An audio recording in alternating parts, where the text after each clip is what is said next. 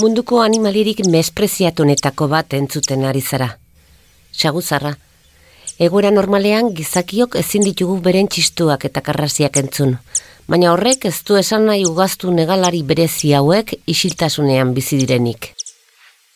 Ez ditugu entzuten, ez, aparatu bereziak behar ditugu, ultrasoinu detektoreak, egiten dituzten soinuok guretzako entzungarri bihurtzeko.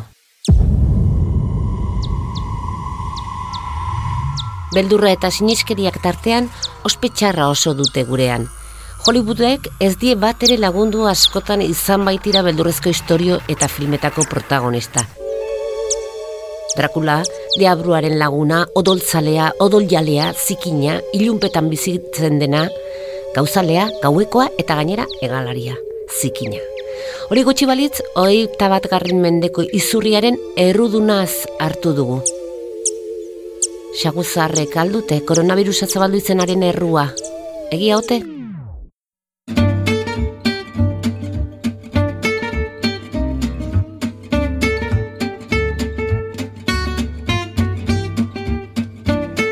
Zientzia puntu puntuan. Nafarroako Unibertsitate Publikoaren divulgazio zientifikoko podcasta. Emaio zuiaten adimenari. Ongi etorri entzule zientzia puntu puntuan podcastaren laugarren atalara orain arte zuten fama txarra ez bazen nahikoa, azkeneko urte honetan guztion agotan egon dira. Saguzarra koronavirusaren errudunak direlakoan gaude, zer diote zientzialariek gai honen inguruan. Maria Napal, Naparroko Unibertsitate Publikoko irakaslea eta biologian doktorea da. Berak lagunduko digu erantzunak aurkitzen. Ongi etorri. Eskarrik asko. Saguzarre koronavirusa kutsatu digute. Askotan entzun eta irakurri dugu azkeneko urte honetan hori. Baldago evidentzia zientifikorik, bai ez horren atzean. Egia da, zaguzarrek virus espezie asko dituztela. Bere ezaugarri fisikoen gatik, mantendu ditzaketela virus bisirik asko, baina kaltetuta izan gabe. Baina hemen, koronavirusarekin eta nazten ari dira bi konzeptu, jatorri epidemiologikoa eta jatorri evolutiboa. Zaguzarrak bai dira koronavirusaren jatorri evolutiboa, orain ezagutzen dugun koronavirusen antzineko bat ezaguzarretan bizi zen.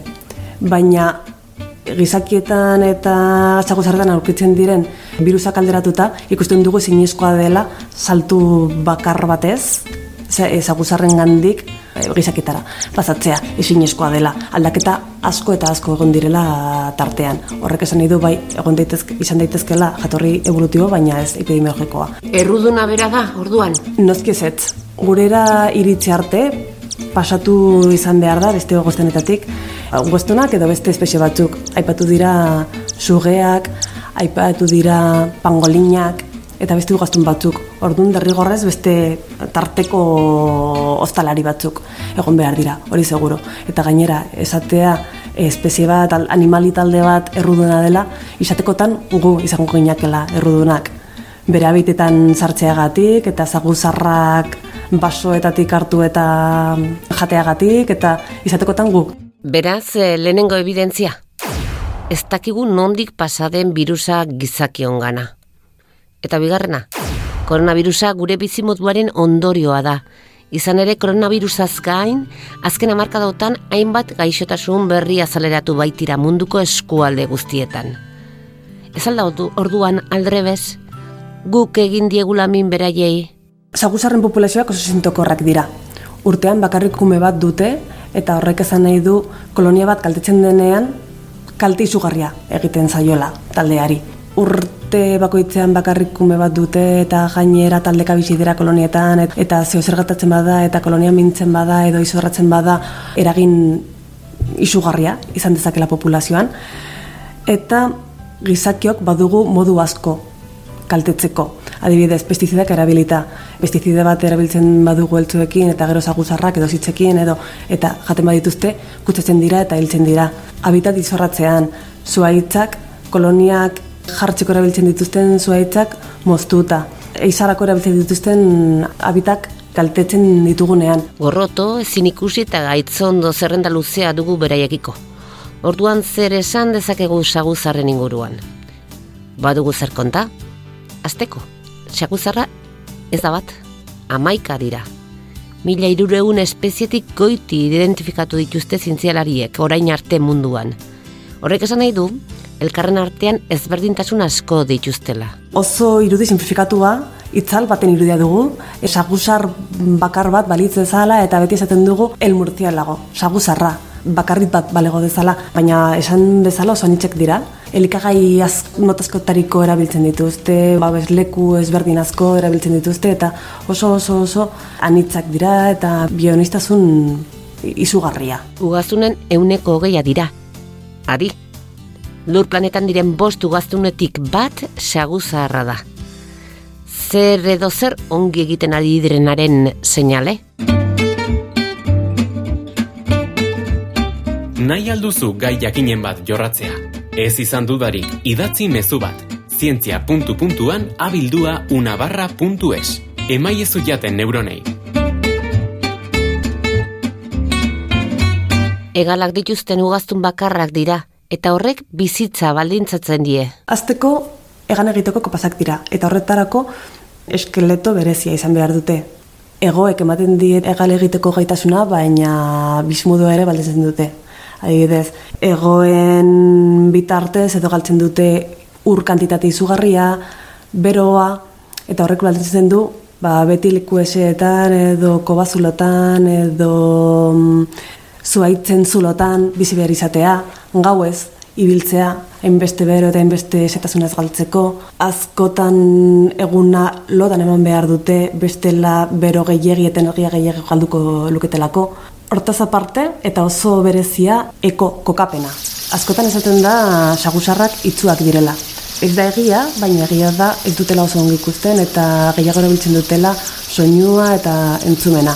Egiten dutena da soinu bat emititu eta entzuten dute soinuaren itzulera, ez? E, no, eta analizatzen dute nola eraldotu den soinua presekin, arrapekinekin edo inguruan dauden obiektuekin talka egiten. Eta horren arabera gidatzen dira basoan eta... Izurrikeak eh, kontrolpean izateko oso lan politia egiten dute. Ebroko deltan ederki asko ikasi dute. Ebroko deltan, eta bueno, arroza ekoizten den leku guztietan gertatzen bezala, urte batzuetan, zitzen populazioak batzutan kilo supresalizen populazioak handitzen dira eta izugarrezko kalteak eragiten dituzte. Orduan, konturatu ziren, kabikutza jarri zituztenetik izurrete horiek ez zirela sortzen eta ziren ba, kontrolatzen eta baiestatzen benetan zaguzarrek jaten ari ziren zitza horiek ara ez eta konturatu ziren horrela zera. Kutsa jarri zituzten egitik zela izurreterik egon, haiek kontrolatzen ari zirelako. Eta milioika euro aurrezten ari dira Ebroko deltako nekasariek zaguzarrak horre egoteagatik. Eta ben Nafarroan eta herriosan eta egiten ari dira zaiakera batzuk maztietan izurriteak diren intsektuak kontrolatzeko eta ikusten ari da ja kapazak diren kontrolatzeko prozesionaria populazioak ere. Orain ikertzen ari dira prozesionaria pinu beldarra kontrolatzeko gai diren eta beste ikerketa batzuk egiten ari dira espelsitza zabatzeko baliogarriak izan aldaitezken baliteke saguzarra lagungarri izatea. Izan ere, gure basoen kalitatearen islada ere badira saguzarrak. Batzuk oso generalistak dira eta dozein lekutan bizi daitezke eta baina oroar oso espezialistak eta oso exigenteak dira habitat kalitatearekin. Eta espezie batzuk, beste saguzarra adibidez, bakarrik bizi dira kalitate altuko bazuetan. Orduan, saguzarrak baditugu, e, horrek esan nahi dugu bakledateneko pasoa dela. Bionistazuna mantentzeko baldintzak betetzen dituela basoan, eh? Txaguzarren ezaugarri fizikoak ikertzea lagungarria da ingenieritzaren hainbat arlotan. Egan egiteko teknikek eta ekokokapenak piztu dute interesa handiena. Ogeko koapena zirukusia dauka Doppler efektuarekin, eta Doppler efektuak askora biltzen da medikuntzan, eta antza daukare itsasontzietan eta erabiltzen den sonar metodarekin. Egal egiteko gaitasunari dagokienez, zaguzar mota eta espeziasko badaude eta habitat ezberdinetan bizi dira. Ze habitatan bizi diren eta egoaren morfologia oso estuki lotuta daude. Zaguzar bakoitzak badauka bere moldaketak eta ego zabalera eta luzera eta forma ezberdinak ordun hori ikertzea eta ulertzea eta ulertzea morfologia bakoitzak nola baldintzen duen egal egiteko gaitasuna oso baliagarri izan daiteke mota ezberdineko hegazkinak edo hegalak egiteko.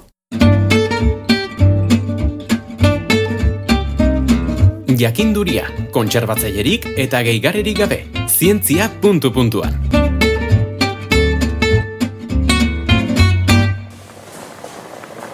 Aurreditzien kontrako edabe prestatzeko sukaldera hurbildu gara Mariana Pal doktorearekin. Dracula da sagusarrak gehien kaltetu duen pertsonaia. Uste dut hortik atera dugula vampiroen irudia eta vampiroi dugun beldurra eta Batman, Batman ongi dago baina beten du kontrako irudia ez. Batman indartsua da eta poteretsua eta superheroe eta saguzarrak dira justo kontrakoak. Babestu behar dugu eta kaltetzeko oso oso errazak dira, txikiak dira, ez dira beldurgarriak, ez digu minik egingo, ez, ez dira indartsuak. saguzarrak gure arbaso hurbilenak omen, primateen arbaso hurbilena. Nola daiteke? e, normalean lotzen dira saguekin, baina askoz antza gehiago dute genetikoki eta evolutiboki primatekin. Ugastunak sortu direnetik dinosauria garaia bukatu zenean eta dinosaurioak desagertzean, utxune bat sortu zen eta ugastunak erabili zuten. Eta garai horretan izugarrizko aldakortasuna egon zen eta izugarrizko bienestasuna. Ordun garai hartan ba, espezie eta son ezberdin asko atera ziren eta hien artean zaguzarrak. Guk primatea gara eta antza gehiago dugu adibidez zagusarrekin, zaguekin edo zetazuekin edo oreinekin edo, edo baino. Saguzarren inguruan jakin beharreko oinarrizko gauza, Ez dituztela gaixotasunak kutsatzen. Oso erreza dela egin koloniak kaltetzea, bai kumatze garaian eta bai hibernazio garaian, eragin handia izan dezakela populazioan. animalia hoien, ongizatea eta gurea estuki lotuta aldago. Habitatearen kalitatearen indikatzaile ezin hobeak dira. Orduan zaguzarrak alde egiten direnean eta desagertzen diren eta zeo zer arraro gertatzen ari da. Edo urarekin, edo airarekin, edo pestizida gehiago derabiltzen ari gara eta zaguzar desagertzeak da ekosistemaren osasun ezaren sintoma. Eta bestetik kontrako ere egia da, ez? Itzelezko zerbitzuak egiten dizkigutela, bai izurrite kontrolan bai, eta zaguzarrak desagertzen be dira, horrek esan nahi du habitaten kalitatea izorratzen ari dela eta ionizasuna eta galtzen ari dela. Zer ikasi dezakegu saguzarra ezagutu du ezkero? Eta oso baliagarri da ulertzeko soinua nola funtzionatu duen, evoluzioa, eta gero hortaz aparte lehen kontatu dugun bezala, ba, ikerketa aplikatua egiteko, ez? Hegazkinak diseinatzeko, ulertzeko talde sozialak nola mm, antolatzen diren, ze primateak eta saguzarrak oso talde hurbilak dira eta saguzarretan ematen diren talde sozial batzuk primatetan ere eta gurean ere ematen dira. Eskerrik asko Maria, gurean izateagatik, izan ongi. COVID-19ak eragin duen ekaitza ez da, ez, ez erezetik ustekabean sortu. Urte luzetan adituek abisatu zuten halako zerbait gainean genuela, eta prestatu beharra zegoela. Klima larrialdia, bioanistasunaren murriztea, deforestazioa, nahiko arraizoi baditugu. Oneraino gaurko gure menua, Mariana Palk esker mila zientzia puntu puntuan sukaldatzen laguntzeagatik. Esker mila entzule, izan untxa. Zientzia puntu puntuan entzun duzu. Nafarroako Unibertsitate Publikoaren podcasta. Gozatu zientziaz.